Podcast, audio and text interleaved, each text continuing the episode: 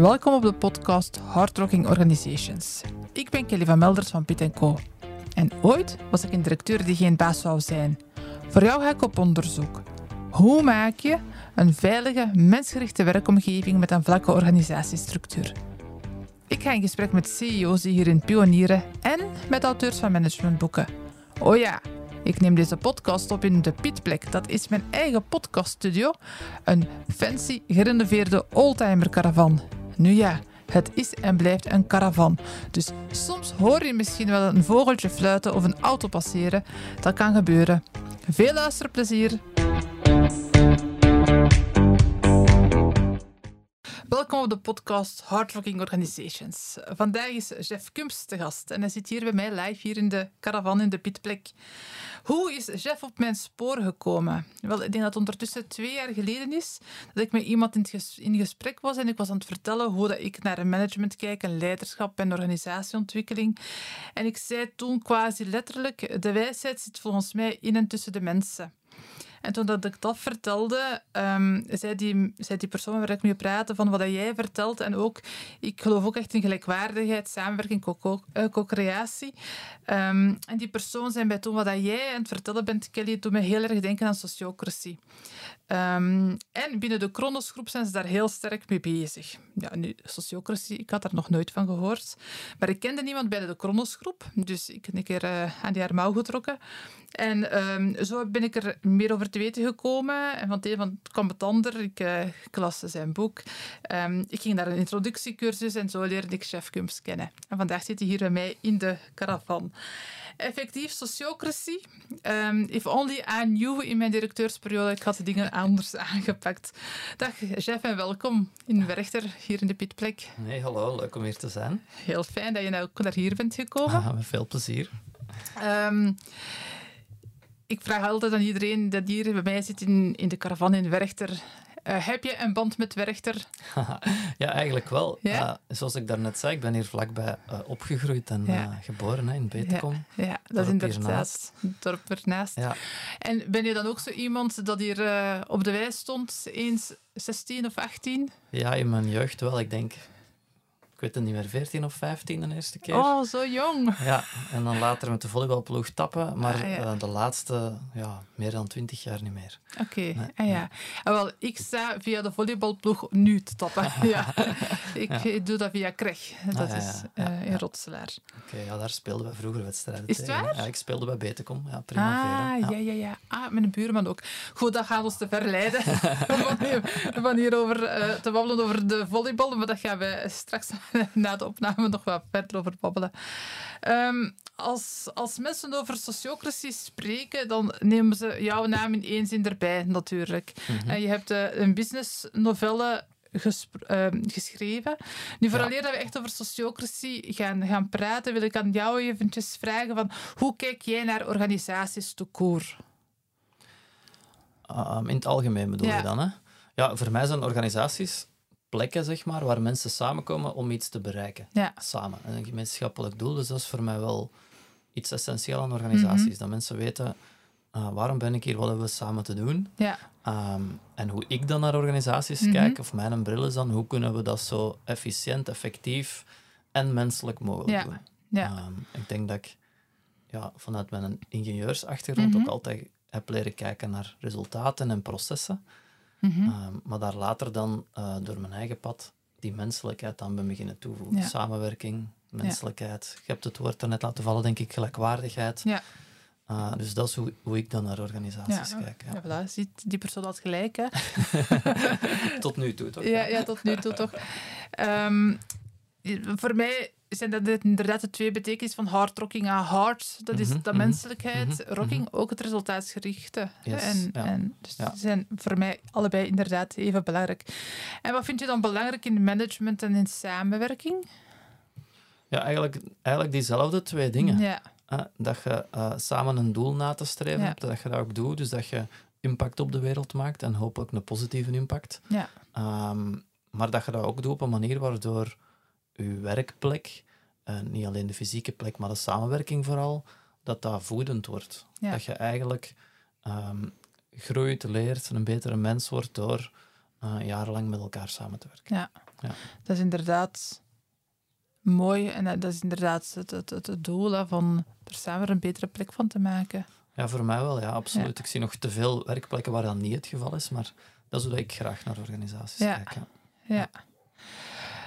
Je bent nauw betrokken bij sociocratie. En je hebt er natuurlijk ook een mhm. business no- novelle over geschreven. Ja. Ehm, nu, ik veronderstel dat de mensen die aan het luisteren zijn misschien net hetzelfde hebben als ik twee jaar geleden. Die denken van, ik hoor het in Keulen donderen. Wil je eens even vertellen wat sociocratie eigenlijk is? ja, want als je zegt dat ik nauw betrokken ben met sociocratie, dan is dat met name sociocratie 3.0. Oké. En het woord sociocratie bestaat al van in de jaren 1800 op papier. Ah, ja. Ja, ja. En sociocratie als zeg maar, methode om in een bedrijf aan de slag te gaan, bestaat sinds de jaren 70 van de vorige eeuw. Toch al zo lang. ja, ja, komt uit Nederland. ehm, zonder daarover uit te wijden, maar is toen een soort methode geworden met een aantal sterke principes, die vandaag nog altijd in sociocratie 3.0 zitten. Ja. Maar heeft zich niet zo fel verspreid, en zeker niet in het bedrijfsleven. En dat heeft geduurd tot, eh ja, pakweg tien jaar geleden of zo. Die agile-beweging had daar ruimte voor gemaakt in de IT. Ja. Ehm, en daarna onder andere door mensen die door het boek van Frederik Laloux wakker geworden waren of Klopt, getriggerd ja. waren, die naar Whole Accuracy verwees. Whole Accuracy ook een soort eh, operating system gebaseerd op sociocratie. En dan ook in die periode hebben James, en James Priest en Bernard Bokkelbrink sociocratie 3.0 beginnen ontwerpen. Ja. Ja. En eh, ik heb eigenlijk het geluk gehad, het toeval, zonder dat ik in toeval geloof, Ja. van, van James vroeg tegen te komen, Ja. eh, bevriend te worden, mee op pad te mogen en eigenlijk sociocratie 3.0 dan in België zeg maar uit te dragen. zo te leren kennen Ja, en dan inderdaad uit te dragen. Ehm, ik, ik heb ook jouw boek gelezen natuurlijk. Ehm, voor mij lijkt sociocratie vooral ook een, een houvast te geven, een, een, een methode te geven om zaken bespreekbaar te maken op een gestructureerde manier. Bespreekbaar te maken is het slechte woord. Om, om dingen aan te pakken op een gestructureerde mhm. manier. Ja. Ehm, er zijn verschillende templ- templates, is het juiste woord niet, hè? Ehm, hoe noemen jullie dat weer? Ja, in sociocratie 3.0 spreken Ja. we van patronen, maar je mocht dat vervangen door technieken, soms Ja. processen. En hier en daar zit daar absoluut een template tussen. Ja. Ja. Ja. Ehm, er zijn ook zeven principes Mhm. die belangrijk zijn ehm, binnen sociocratie 3.0. Ehm, die, die zijn volgens mij gelijkwaardigheid. Klopt. Die, dat lijkt me evident. Ja, misschien voor u wel, maar voor Ja, veel ja. mensen is dat een moeilijk begrip. En Ja. wordt dat wel eens verward met gelijkheid. ja, dat is En iets dat is- anders. Ja, voilà. En dat is niet wat je wilt in, in een organisatie. Er mag ongelijkheid zijn Ja. eh, tussen verantwoordelijkheden, plaatsen, functies, salarissen. Dus er is op zich niks mis met ongelijkheid, maar wel als dat vanuit een machtspositie is. En dus is gelijkwaardigheid eh, dat we allemaal een even belangrijke stem hebben of een even unieke bijdrage kunnen Ja. leveren aan het geheel. Ja. Ja.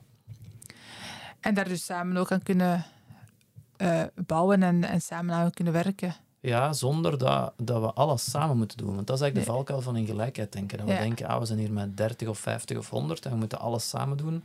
Ik denk dat eh gelijkwaardigheid dan een stap verder trekt. Ja, En eigenlijk zegt van nee, naar gelijkheid streven heeft iets moois, want je streeft naar gelijke waarde, harmonie, consensus. Ik denk dat sociocratie de wereld heeft geholpen om dat te overstijgen. Mhm. En naar evenwaardigheid te gaan, waar je niet meer met z'n honderd alles samen moet verzinnen of bedenken, of consensus moet bereiken. ja, Maar dat we wel eh, elke stem laten tellen zonder elke persoon moet gepraat hebben. ja, Bijvoorbeeld in de besluitvorming dan specifiek. ja, ja. Dus dat is wel belangrijk om dat verschil te duiden, want Ja. gelijkwaardigheid wordt wel eens fout begrepen. Ja. Die besluitvorming vind ik ook wel heel interessant. Mhm, absoluut. Hoe, hoe werkt dat precies? Ja, eh, wat sociocratie 3.0 naar voren schuift als principe is consent. Ja, Uh, je zou dat kunnen vertalen als we luisteren naar eh, de stem van de minderheid, om die mee te nemen. ja, Ehm, en concreet vertaalt het zich in een techniek die dan consentbesluitvorming heet. ja, En die dus uit de klassieke sociocratie afkomstig is en waar sociocratie 3.0 hem gewoon wat verder verfijnd heeft, zeg maar, en wat Ja. meer handen en voeten aan Ja. gegeven heeft.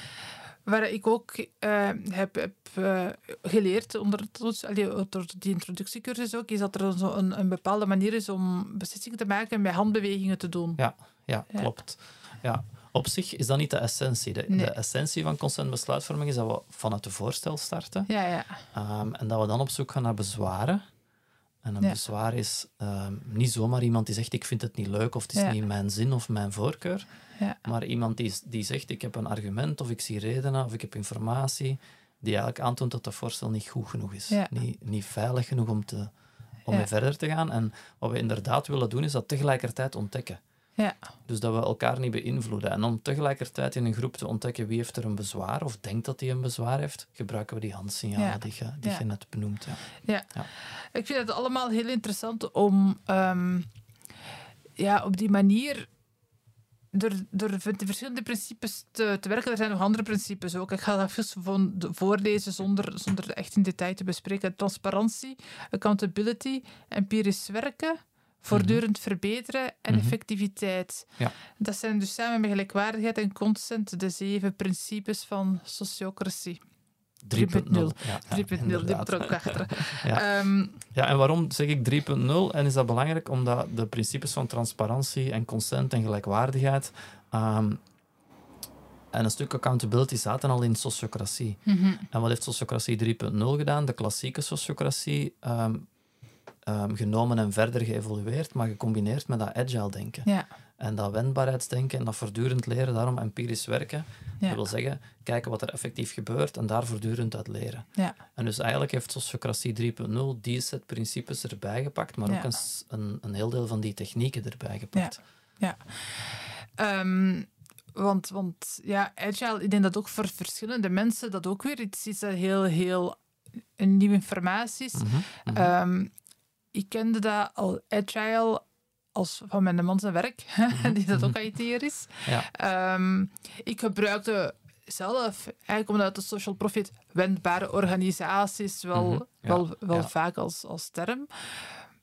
Het heeft me een tijdje geduurd tegen dat ik door had van, ah ja, we hebben het er eigenlijk wel over hetzelfde. Ja, ja, klopt. Um, ja. Maar, maar wat is agile dan eigenlijk? Ja, het woord in het Engels staat voor lenig of wendbaar. Dus in die zin is hetzelfde. Maar het is een stroming geworden die in de IT-wereld ontstaan is, inderdaad. Um, waar eigenlijk de IT'ers zich niet meer in de kelder opsloten een jaar lang en dan met software naar boven kwamen die de klant niet nodig had, maar geleerd hadden om voortdurend met die klant in interactie te zijn. En eigenlijk te beseffen, we leven in complexiteit. Wat wil zeggen, niet alles is voorspelbaar. Ja. Dus in plaats van een, een heel gedetailleerd lang plan te maken ja. en ons te verstoppen in onze IT-kelder, uh, gaan we voortdurend in interactie met de werkelijkheid en de klant en leren we aldoende wat er nodig is. Dus zo worden wendbaar, leer u aanpassen. Want ook die klanten ontdekken pas, terwijl de software gebouwd was, of werd, wat ze zelf nodig hadden. Dus eigenlijk gaat het over samen leren en zo uh, wendbaar zijn in uw productontwikkeling. Dus ja. agile gaat in C over productontwikkeling. Ja. En wat dus sociocratie 3.0 dan zegt van ja, maar een organisatie besturen is ook iets complex. Iets waarbij je ook moet leren om voortdurend naar de werkelijkheid te kijken ja. en feedback te zoeken. En dus ook die feedbackcycli hebt in te bouwen. Ja. En dat is wat dingen als whole accuracy en sociocratie 3.0 doen, is de, het besturen in gelijkwaardig uit het sociocratie pakken en dan het uh, korte feedbacklussen en voortdurend leren, mm -hmm. uh, empirisch van het agile denken combineren. Ja. Dus continue feedbackmomenten en aanpassingen ja. doen aan hetgeen waar je mee bezig bent. Ja. Ik kom uit social profit. Mm -hmm. um, en daar zeker in die sectoren, um, is er wel de gewoonte van beleidsplannen te gaan schrijven. Dus te gaan ja, uitschrijven ja. waar je de komende vijf jaar aan gaat werken en dat dan gaan vertalen in jaarplannen en actieplannen. Dat staat toch wel een beetje haaks er misschien op. Ja, ja, ten eerste, zo'n plannen worden niet alleen in de social profit gemaakt, Ja. ook in, uh, in de businesswereld worden die gemaakt. En ik vind dat er niet haaks op staan. Nee. Het, uh, het gaat niet over het plannen als werkwoord, Ja. maar de vraag is, wat doe je met het plan dat gecreëerd is dan? Ja. En je moet, je moet vlaggen planten, je moet doelen stellen, je moet ook weten waarom je die doelen stelt, Ja. welke impact je wilt maken. Dus, dus ja, je moet op lange termijn denken. Ja. En ja, je moet ook op middellange termijn milestones en, en, en vlaggen planten. Ja. Maar dan is de vraag of je halstarrig vijf jaar lang op dat plan blijft kijken, Ja. Of dat je aan de slag gaat in de richting die je gezet hebt, maar dan ook elke dag of elke week of elke maand gaat kijken, wat vertelt de wereld ons vandaag? Ja. En is het plan dat we begin dit jaar voor ogen hadden nog steeds het beste plan voor ons als organisatie? Dus met dat plan maken en die beleidsplannen maken is niks mis. Mhm. Uh, maar de vraag is, hoe ga je er dan mee om Ja. als je in de uitvoering stapt? Ja. En als je dan een heel gedetailleerd plan maakt voor vijf jaar, dan weten we eigenlijk dat je eh, de eerste weken zullen die voorspellingen nog kloppen, maar al snel gaat je plan deels achterhaald zijn. Ja. En Ja. dus in plaats van een super gedetailleerd lange termijn plan te maken, denken we liever in grote doelen en de why Ja. voor over twee of drie of vijf jaar. En welke zijn de eerste concrete stappen die we deze maand of dit kwartaal gaan zetten. Ja. En dus dat is dat empirisch werken. Ja. Ja. ja. Ehm, in jouw boek is er ook een personage, Bernie heet die, die dat het, het bedrijf HRS eh, mee begeleidt. En wat dat me daar ook in opviel, is dat hij, als dan een meeting deed, dat hij ehm, begon met een check-in en een check-out eh, Mhm, van, van ja. een vergadering. En dat hij ook wel de nadruk legt op het voelen. Ja, klopt. Ik denk Ja, dat het- absoluut. voelen binnen veel organisaties toch wel het allerlaatste is waar ze mee bezig zijn. Ehm, maar waarom is dat stuk toch ook belangrijk? Ja, ik heb dat bewust in dat personage gelegd. Ehm, en check-in en check-out zijn maar een paar manieren om ja, dat te doen. Hè, maar Ik neem die daar als voorbeelden nu even ja, uit. ja, en terecht. Ehm, maar waar gaat dat voor mij over? Dat we, hè, als we niet meer op dat gedetailleerd vijfjarenplan Ja. willen en kunnen vertrouwen, dan moeten we elke dag leren voelen, tussen aanhalingstekens, wat er nodig is. En voelen is dan niet alleen fysiek voelen of emoties, maar gaat ook over eh, leren eh, kijken, horen, praten met de juiste mensen, feedback verzamelen. Uh, maar ons lichaam is daar een belangrijk stuk Mhm. in, of een soort sensor. In, Ja. in weten wat er nodig is. Vaak voelt ons lijf als eerste dat er iets niet klopt. Ja, Dat vertaalt zich in ofwel fysieke gewaarwordingen of emoties of gedachten. En als we daar beter naar leren kijken en onszelf beter leren observeren daarin, kunnen we sneller de juiste dingen naar boven laten komen in Ja. organisaties. Dus ik vind zo'n soort eh, lichaamsbewustzijn, zelfbewustzijn wel echt belangrijk. ja. Ja. Dat is iets waar eh, denk ik toch weinig mensen mee bezig zijn. Allee, ik- denk dat in, in, ja, in bedrijfscontexten denk ik toch dat dat... Ja, misschien is dan ben ik vooringenomen daarover hoor. Nee, dat Eh. lijkt me wel een, een juiste veronderstelling. Dat is ook Ja. niet iets wat we geleerd hebben in Nee. onze opleiding, in onze Nee. opvoeding vaak niet. Dat is ook Nee. niet iets wat vandaag in het bedrijfsleven dan Ja. standaard is. Dus dat is iets wat we als maatschappij, als mensheid, en zeker in het bedrijfsleven, aan het leren zijn. Ja. Ja. Ja.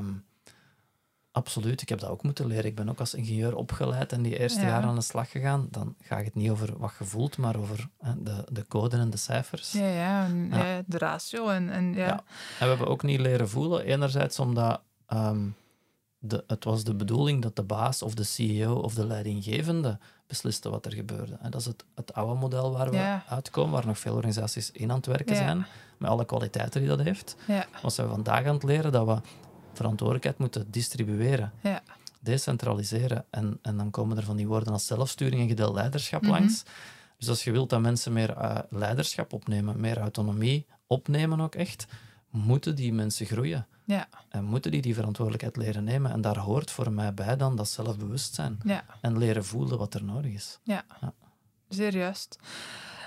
Nu, dat voelen ehm, gaat, gaat toch ook nog ietsje verder in de zin van... ehm, ik ben even aan het kijken hoe dat jullie dat precies noemden. Werken met spanningen. Mhm, Eh, dus, zoals ik het dan begreep, is van... Je voelt effectief ergens een trigger eh, van dat ook te gaan aanpakken. Ja. Ja, en dan moet, moeten we denk ik eerst zeggen dat een spanning niks negatief hoeft te Nee, zijn. Hè. Een, nee. een, een opportuniteit of een droom Ja. kan ook een spanning Ja. zijn. Ja, Een spanning is iets waarin ons lichaam of ons denken energie op zit.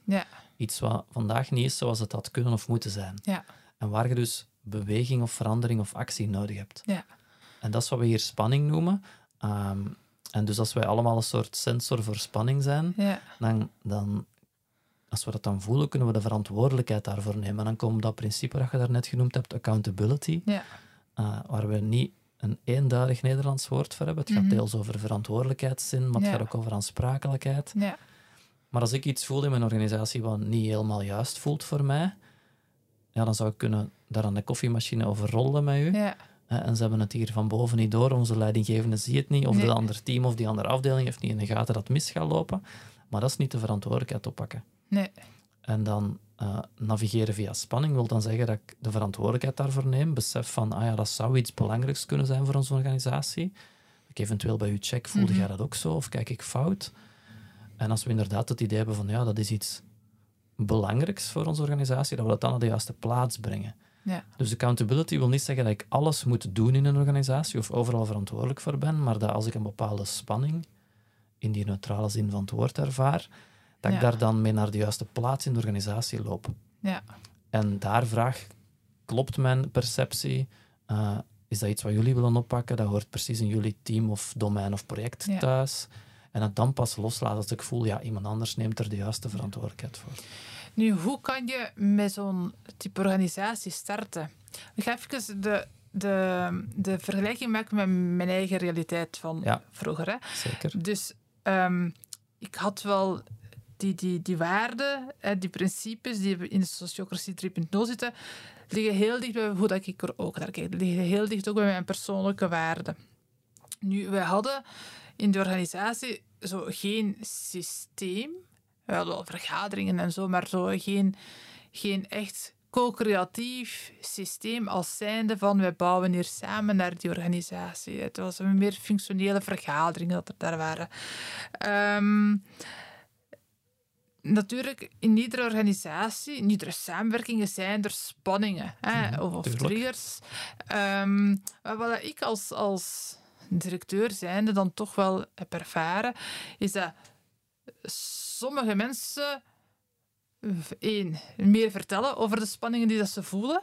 Ehm, twee, daar misschien soms ook wel wat amok over maakten. Mhm. En drie, ook zo wel wat pushten om bepaalde, een bepaalde richting uit te gaan. Mhm. Ik denk dat ik daardoor soms in verkeerde richtingen werd geduwd. Ja. Ehm, hoe had ik daar beter mee kunnen omgaan? Ja. ja, dan zouden we natuurlijk naar die plaats en die tijd en die context moeten kunnen maar reizen. ik denk dat er wel Maar- meer mensen dat ervaren. Ja. Ja, in het algemeen pratend, ehm, denk ik wat sociocratie ons leert, is om met, met alle stemmen rekening te houden. En dus als bepaalde mensen heel sterke eh, gevoelens of ideeën hebben, ehm, om dan eerst en, eerst en vooral bij jezelf als leidinggevende of directeur in die Ja. plaats te gaan, gaan, eh, gaan aftoetsen. Wacht, wat doet dat met mij? Ja. Daar moeten dan als leidinggevende in uw kracht of in uw center voor leren Ja. staan. Dus dat eerst te checken van, wacht, wat doet dat met mij? En dan die vraag van daarnet, waar hoort dit thuis in de organisatie? Ja. Is dat iets dat bij mij op de directietafel moet komen, waar ik over te beslissen heb? Of hoort dat in eh, de afdeling marketing thuis, of daarbij een afdelingshoofd? En waar hoort dit thuis? Ja. Ja, en dan, als er dan rondgewerkt wordt, om dan niet alleen die, de mensen die er initieel heel luid over eh, praten mee te nemen, in co-creatie Ja. of besluitvorming, maar evengoed de andere mensen uit te nodigen, de andere stemmen. Ja. En mensen die er anders over denken, klanten, weet ik veel wie er op dat moment een belangrijke stem zou kunnen hebben. En dan helpt een proces zoals consentbesluitvorming Ehm, om de stemmen even luid te laten klinken, Ja. metaforisch gesproken. Ja. Ja, dus dat iemand die superveel energie over iets voelt, dat hij dat wel mag aanbrengen. Die kan misschien zelfs een voorstel maken. Mhm. Maar dan gaan we checken, zijn daar dan bezwaren op? Ja. En zo ehm onderzoekt eigenlijk wat de andere stemmen te zeggen hebben. En of er bijvoorbeeld een minderheidsstem is die bepaalde risico's ziet die nog niet herkend waren. Ja. Ja. Ja. Ja, interessant. Ik denk, in de, ik zeg het nog, hè, een paar jaar geleden had ik u al willen tegenkomen. Dan hadden we een aantal zaken toch op een andere manier ook kunnen doen. Nee, maar wat ik er ook uit, uit hoor, is um, in, als je inderdaad als CEO, directeur, of maakt eigenlijk niet uit wat voor een functie dat je ziet, maar als je, dat het toch wel belangrijk is van met je uw eigen bewustzijn bezig te zijn, met uw eigen ontwikkeling bezig te zijn Ja, en je ja. te laten ondersteunen ook. Um, dat zijn allemaal zaken die dat ik niet gedaan heb. maar ja, kijk, nooit te laat om te leren. Hè? Nee, zeker weten. Ja. Ja. Waar ik ook nog benieuwd naar ben, is van Mhm. hoe komt het dat dat zo thema's zijn waar jij zo mee begaan bent? Zo, ja, die, die, die manier van werken. Ja, ehm, dan vertel ik meestal het verhaal van de start van mijn carrière. Want Oké. ik denk dat dat zaadje daar geplant is Oké, geweest. dan ben ik benieuwd. Eh, ik studeerde in Leuven als ingenieur. Ik ging aan de slag in Leuven in een eh, softwarebedrijf. Ja. En dus dat is het jaar 2001. Ja. Toen eh, bestond Agile en die technieken zoals Scrum al wel, maar wij kenden die niet. En in het bedrijf waar we werkten, een klein bedrijf, gingen wij met een team met die technieken aan de slag. Eigenlijk geïnspireerd door de, door de toenmalige manager, Chris. Mhm. Ehm, en zonder dat wij het beseften, werden wij een, een hardrocking team, zal ik het even Ja, noemen. tuurlijk. Ja. Ehm, dus mijn eerste werkervaring die was alleen maar positief, zeg maar. Met, Ja. met collega's die bijna vrienden waren, dingen bouwen die er echt toe deden, regelmatig feedback van, van iedereen rondom ons. We voelden ons waardevol, samenwerking zat goed. Dus eigenlijk was het werkleven fijn. Ja. En dan eh, een paar jaar later werd ik consultant en kwam ik in een grote corporate terecht. En ik heb eigenlijk toen pas beseft van, ah nee, Het is niet overal heb- zo. Nee, het is niet overal zo. En ik heb blijkbaar Ja. eh, geluk tussen aanhalingstekens gehad om in zo'n prachtig team terecht te komen in het begin. Ehm, en toen, dat was geen keuze in één moment, maar toen, die jaren, is zowel die overtuiging gegroeid van, oh ja, wat wij toen die eerste jaren ervaren hebben, dat wil ik in de werkwereld brengen. Ja. Eh, en dat ging dan in eerste instantie via technieken als Agile en Scrum, maar dat ging eigenlijk over die zelfsturing en die samenwerking. Ja. En vanuit die goede samenwerking knappe dingen doen samen met uw klanten of knappe dingen voor de wereld doen. Ja. Dus dat was, dat was toen eigenlijk de trigger om mij enerzijds te beginnen verdiepen in die technieken en principes Mhm. en anderzijds dat beginnen uit te dragen. En dan heb ik het geluk gehad dat ik in, in die grote organisatie waar ik terecht kwam, eh, een leidinggevende trof die die ideeën wel genegen was, Geert. Die heeft mij mee op pad genomen, zeg maar. En dan hebben we daar in zijn afdeling aan de slag gegaan. En daar heb ik heel veel geleerd over hoe dat je zo'n, ja, zowel de mindset, de principes als de techniek kan beginnen aanbrengen. Ja. En dan eh, van daaruit is dat het idee ontstaan om eerst samen met Chris en later met Chris en Dieter ehm Eileen op te Ja. richten. Echt als bedrijf met die missie. Ja, Ja. Om de werkwereld mooier te maken. Fantastisch. Ja, ja. Absoluut. Dat juichen we toe. Ja. Ehm, dus stel nu dat ehm, zo'n bedrijfsleider bent die dat inderdaad gelooft in die gelijkwaardigheid, in die Ja. co-creatie, die collectieve intelligentie. Mhm. Hoe kan je daar nu mee starten om, om aan zulke type organisatiecultuur te gaan werken? ja, dat is een lastige vraag. Natuurlijk. Ja, ik ga hier niet altijd gemakkelijke vragen stellen. nee, dat is maar goed ook. Nee, omdat er, er zijn heel veel verschillende mogelijke antwoorden. Hè. Het hangt dus Ja. van de context af, maar ik denk dat het altijd een goed begin is om te starten bij jezelf als leidinggevende. Ja. Eh, om eerst en vooral eens te onderzoeken welke zijn de patronen waar ik zelf in terechtgekomen ben als leider. Mhm. Op welke manier geef ik leiding vandaag? Ehm, en dan op die manier een soort rolmodel te worden voor de cultuur, het gedrag dat je in je eigen Ja. team of afdeling wilt zien. Ja. Ja. Dus dat is voor mij wel altijd, altijd een onderdeel van het traject. Hè? Dat leiders rolmodellen worden en dat leiders zelf dat traject willen aangaan. Hè? Ehm, eh, het gebeurt wel eens aan een leidinggevende, iemand als mij contacteert en zegt van er zit iets niet goed in mijn team, mijn team moet zelfsturend worden, dus werk maar met mijn team, maar Ja. niet met mij. En dat lukt Ja, niet. nee, dat, nee. moet je niet aangaan, dat proces, want het is de leidinggevende samen met het team die die reis moet aangaan. Ja. Ja. Nee, ik denk inderdaad ook dat een cultuur maar kan evolueren. Ik denk niet altijd dat het moet veranderen.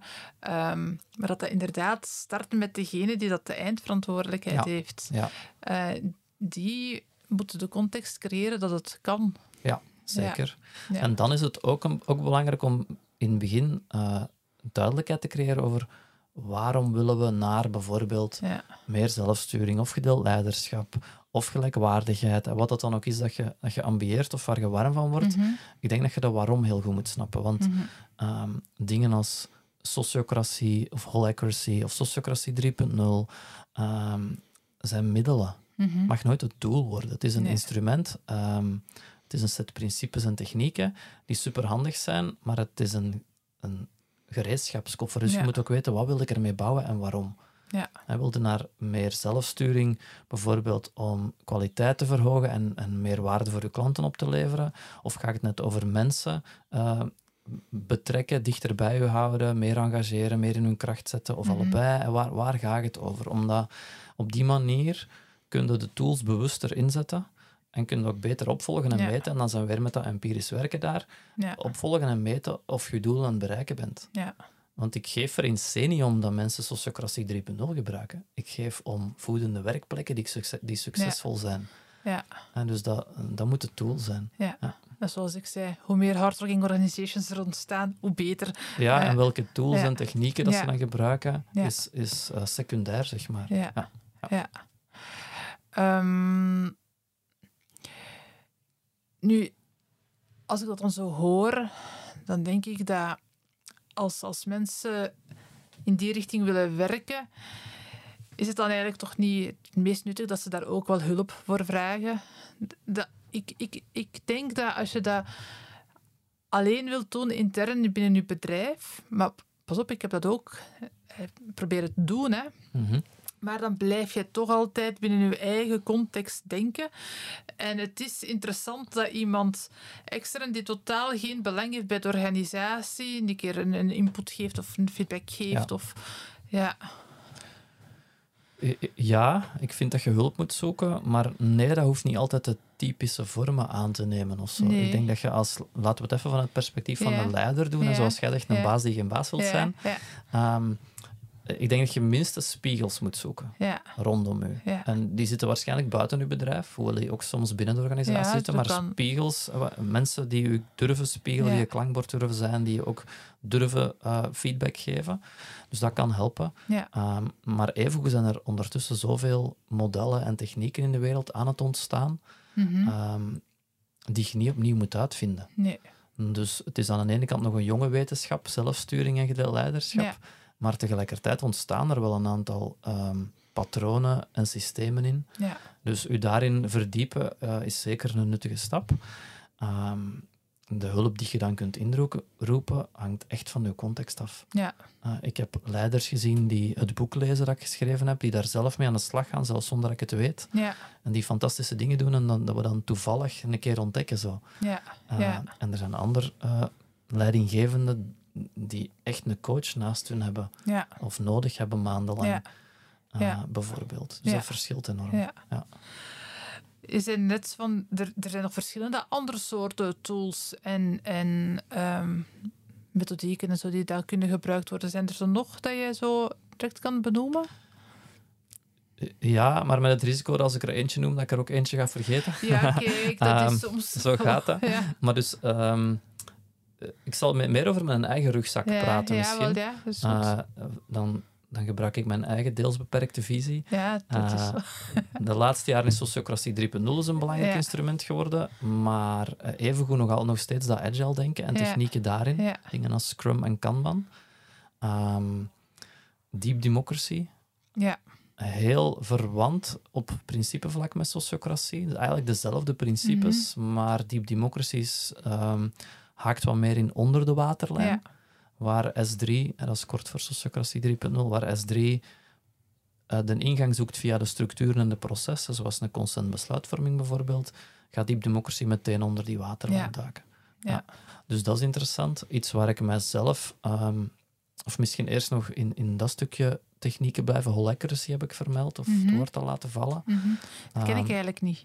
ja, is een Amerikaans systeem, eh, is iets sturender dan S3 is. S3 beschouwt zichzelf echt als een bak vol bouwblokken waarmee je aan de Ja. slag moet. Holacracy eh heeft een soort constitutie of grondwet die je eh, in één keer moet adopteren en mee aan de slag gaan. Dus dat is wat eh, intrusiever op een bepaalde manier, op, maar op bepaalde plekken Ja. en tijdstippen echt aangewezen ook. Mhm. Ehm, ik denk dat Frederik Laloux's boek Reinventing Organizations zijn vooral heel veel verhalen. Daar Ja. fietsen wel technieken langs, maar zijn vooral veel anekdotes die, Ja. die heel veel mensen geïnspireerd hebben. Ja, die dat Ehm, boek heb ik ook gelezen. Ja, ja. absoluut. Ehm, ik denk dat ik nooit zo ver gekomen was als coach en trainer en consultant, zeg maar, zonder een stevige basis Mhm. in verbindende communicatie Ja. en in coachingsvaardigheden. Ja. Dus ook bazen die geen baas willen blijven, zullen zich in dat soort dingen moeten verdiepen. Ja. Hè? Hoe kan ik eh, relaties opbouwen, meer coachende leiderschapstijl ontwikkelen? Hoe kan ik aan cultuur en communicatieontwikkeling Ja. doen in mijn team? Ja. Ehm, ik denk aan eh, modellen als innovatieve arbeidsorganisatie, Ja. die dan ook nog eens gaan kijken naar wat zijn eerst de macrostructuur in de organisatie, de waardestromen, voordat je op microniveau een zelfsturend team creëert dat met de foute dingen bezig is. Ja. Dus dat zijn allemaal heel waardevolle eh, dingen. Ja. En iets waar ik de laatste uh, anderhalf jaar intensiever mee bezig ben, zeg maar, is het systemisch kijken naar organisaties. Een organisatie als een, een levend systeem bekijken en u de vragen stellen uh, welke dingen wel of niet op de juiste plek staan, welke balansen wel of niet in orde zijn en welke plek dat je als leider durft innemen. Want het is niet zo dat een organisatie die naar gelijkwaardigheid of zelfsturing werkt, geen leiders niet meer nodig heeft. Nee, nee. En dus dat, zijn we, of dat moeten we herdefiniëren. Wat betekent dat dan om een leider te zijn? Ja. ja. Allemaal heel interessant. Um, Zeker. En eindeloos leren. Ja, ja, ja, ja, maar dat maakt het ook mooi. En ik denk ook, als je daarmee aan de slag gaat, terwijl probeer dat en, doe de dingen. Hè. Uh, het, is, het, is, niet dat je per se eerst die cursus of dat boek moet gelezen hebben, um, vooraleer dat je effectief dingen kan doen. Maar um, ik denk dat wat jij zegt is waar. En als je die verantwoordelijkheid, als je die visie hebt en, en ja, en je zit op een stoel ook die dat daar impact in kan hebben. Maar ik denk eigenlijk dat iedereen daar impact in kan hebben. Maar wat ik eigenlijk wil zeggen is, het is belangrijk om met je persoonlijke ontwikkeling bezig te zijn, met je visies scherp mhm, te stellen, met, met te leren van hoe dat je dingen kan aanpakken. Um, ik denk dat dat zeker een, een part of the job moet zijn. Dus dat mhm, mensen mhm, daar ook um, die, diegenen die in de praktijk staan, echt wel een paar uur per week mogen blokkeren om met die zaken bezig te zijn. Want ik weet dat dat vaak het allerlaatste is op de to-do-lijst. Ja, absoluut. Um, ja. Ja. En, en dat is zo zonde, want mensen zitten op die stoel omwille van een bepaalde reden. En hebben bepaalde mhm, competenties, mhm. bepaalde talenten het is belangrijk van dat stuk ook zeker te benutten. Ja. ja. En dan, zoals je eerder zei, daar uw vorm van hulp in te zoeken. Hè. Is ja. dat je een opleiding volgt of een coach hebt of boeken ja. leest of met een uh, bevriende uh, leider uh, lange wandelingen maakt. uw vorm voor die spiegel te krijgen, dat zelfbewustzijn te, te, te laten groeien. Ja, superbelangrijk. Um, ik stel aan iedere gast op het einde zo van het gesprek, want ik zie dat we bijna 40 minuten aan het praten zijn en ik probeer altijd zo te mikken op, op drie kwartier, um, stel ik altijd dezelfde vragen. Dat heeft ook een reden. Um, ja, mijn bedrijf heet Pit Co. Mm -hmm. De baseline gebruik ik groei door connectie. Ik denk effectief dat um, door verbinding, uh, pure menselijke verbinding, er groei ontstaat. Mm -hmm. Voor jezelf, uh, voor elkaar, maar ook als organisatie, als samenleving gaan we ook door connectie groeien. Vandaar dat ik altijd drie dezelfde vragen stel aan alle mensen. En ik weet dat je al een paar podcast hebt geluisterd, dus ik ga weten wat er gaat komen. Ja. Um, welke tip wil jij aan de luisteraar geven? Zo de, de cruciale tip voor u dan, uh, die je met een hardworking organization wilt starten. Wat is zo? Dat is een tip voor iemand die... Die daarmee wilt starten. Ja, ja, dan zou mijn tip zijn, ga op zelfonderzoek uit. Mhm. Dus zoek ook zeker, zeker, spiegels voor jezelf in dat proces. En uh, zorg dat je bij de start ook heel goed weet waarom je zoiets wilt doen. Dat je drijfveren kent. Ja. En dat je dan uh, naast met de zeg maar, zichtbare dingen in een organisatie bezig bent, zoals processen en technieken en structuren, maar dat je ook echt met je eigen binnenkant aan de slag gaat als leider. Dat, want daar zit de hefboom. Ja, mooi. Ja, dat is groei door connectie, start. Ja, ja connectie met jezelf natuurlijk. Ja, inderdaad. Dat is net zoals daar straks ja. je het woord check-in vallen, een ritueel. Dat gaat niet alleen over connectie met de collega's, maar dat gaat vooral over connectie met, met jezelf. Voilà. Daar start het eigenlijk mee. Hè? Ja. dus naar hun eigen piet durven te gaan, naar hun eigen kern durven te gaan. Ja. Mooi, mooie tip. Groei door Connectie werkt in verschillende richtingen. Dus mm jij hebt vandaag al heel veel gegeven aan, aan, mhm. aan mij en de luisteraar. En daarom stel ik ook de vraag altijd in de, in de andere richting ook. Is er mhm. iets of iemand die u vandaag zelf met iets zou kunnen helpen in uw eigen journey? Ja, ik hoorde nu die vraag aan een andere gast ja. toen ik naar de podcast luisterde. En dat is, een, dat is meteen een moeilijke vraag. Zo, hè? Ja, tuurlijk. Uh, ja. Maar wel een fijne vraag. Ja. Dus dank je wel. Um, ik ben een dik jaar geleden uit Eileen gestapt. Hè, omdat ik, ik ben meer een coach en facilitator en trainer dan dat ik een ondernemer ben. Dus ik hield zowel mezelf als het bedrijf klein. Dus dat is een hele goede vriendschap zeg maar, beëindigd. Mm Prachtige keuze. Proficiat. Ja, dankjewel. Ja. Um, dus ik ben nu meer dan een jaar freelance. Ik heb het eerste jaar bewust rustig aangedaan. Ik ben niet te veel laten zien, maar ik ben nu sinds kort wel aan het denken van oké, hoe ga ik mij aan de wereld tonen? Ehm, waar sta ik nu eigenlijk voor Ja. en in welke zeg maar, diensten of producten moet zich dat vertalen? Of met andere woorden, waar heeft de werkwereld nu nood aan? Wat, ik, hè, wat ik kan bieden? Ja. Dus dat is een vraag die bij mij leeft. Dus ehm eender wie in de werkwereld zit, eh, zou mij kunnen helpen door eh, zijn eigen persoonlijk antwoord op die vraag te formuleren en mij op een of andere manier te bezorgen. Dus wat zijn vandaag de concrete uitdagingen, concrete behoeften van bijvoorbeeld, zoals jij het zegt, bazen die geen baas meer willen zijn, of leiders die meer zelfsturing in de organisatie willen. Dus ik ben, ik ben eh, op zoek naar, eh, buiten dat ik goed aan het voelen ben, wie ben ik daarin en wat heb ik- waar wil ik daar gaan staan, ben ik even goed op zoek naar wat heeft de wereld daarin nodig vandaag. ja. Dus eh eender welke vorm van feedback, daar rond hoor ik heel graag en zou mij echt helpen. Dat is een, een mooie vraag. Mhm. Ik heb ze ook genoteerd. Ehm, m- misschien is het ook nog interessant, want die vragen, of antwoord op die vragen ontdek ik ook een beetje door dit onderzoek te doen. Want voor mij is Mhm. een podcast een, een soort onderzoek hoor. Ja, Ehm, dus ja, ik, ik wil daar gerust ook wel eh, eens mee over nadenken, dat, Ah, fijn, dat ook super. mee kunnen te weten Ja. komen. Ehm, nu ga ik naar mijn laatste vraag gaan. Ja, je weet ondertussen wat ik bedoel met hardrocking organizations. Weet Mhm, mhm. mijn idee daarover. Ehm, denk je nog aan iemand waarvan jij denkt van Kelly, die persoon zou zeker op jouw pad moeten komen? ja Ja, maar opnieuw heel veel namen die door mijn hoofd ja gaan. dat was Ehm, niet erg. Ja, Was het Als zo ik er meerdere mag mind? noemen. Ja, zeker. Ja, eh, ik moest, eh, toen, toen ik die vraag voelde aankomen, eh, meteen aan Ank de Wilde denken, die Absalem mee groot heeft gemaakt en in mij nog wel een hardrocking organization gemaakt heeft. Oké, En die ook eh, bezig is met leiderschap en vrouwelijk leiderschap met name. Dus dat zou interessant kunnen zijn. Super. Ehm, Ja. Maar misschien ook leuk om in een systemische kijk. Ja, want te dat is, nodigen. dat is van alles wat je daarnet zei, ben ik allemaal mee bezig geweest. Maar systemisch ben ik nog nooit Ja. mee bezig geweest. Ja, Ja, dus ik ben benieuwd. Leuke namen daar zouden Magali de Smet kunnen zijn van Coach The Shift Oké, of Evelien de Beukelaar.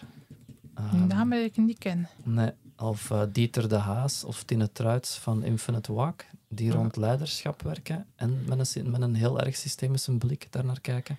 Ja. Zouden leuke eh, gasten kunnen zijn. zeg Maar allemaal veel namen, fijne mensen om, om, om ja, te ontdekken. Dank je wel voor de verschillende de namen. Dank je wel ook voor het heel fijne gesprek, de inspiratie die je hebt gegeven.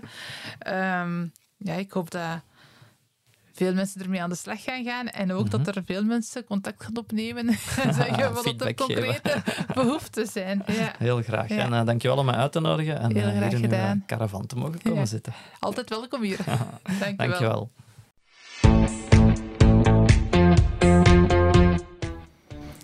Fijn dat je luisterde naar de podcast Hard Rocking Organizations. Hoe start je daar nu concreet mee? Wel, op mijn website kan je een Hard Rocking Organizations Quickscan downloaden. Daarmee ontdek je wat je eerste stappen kunnen zijn.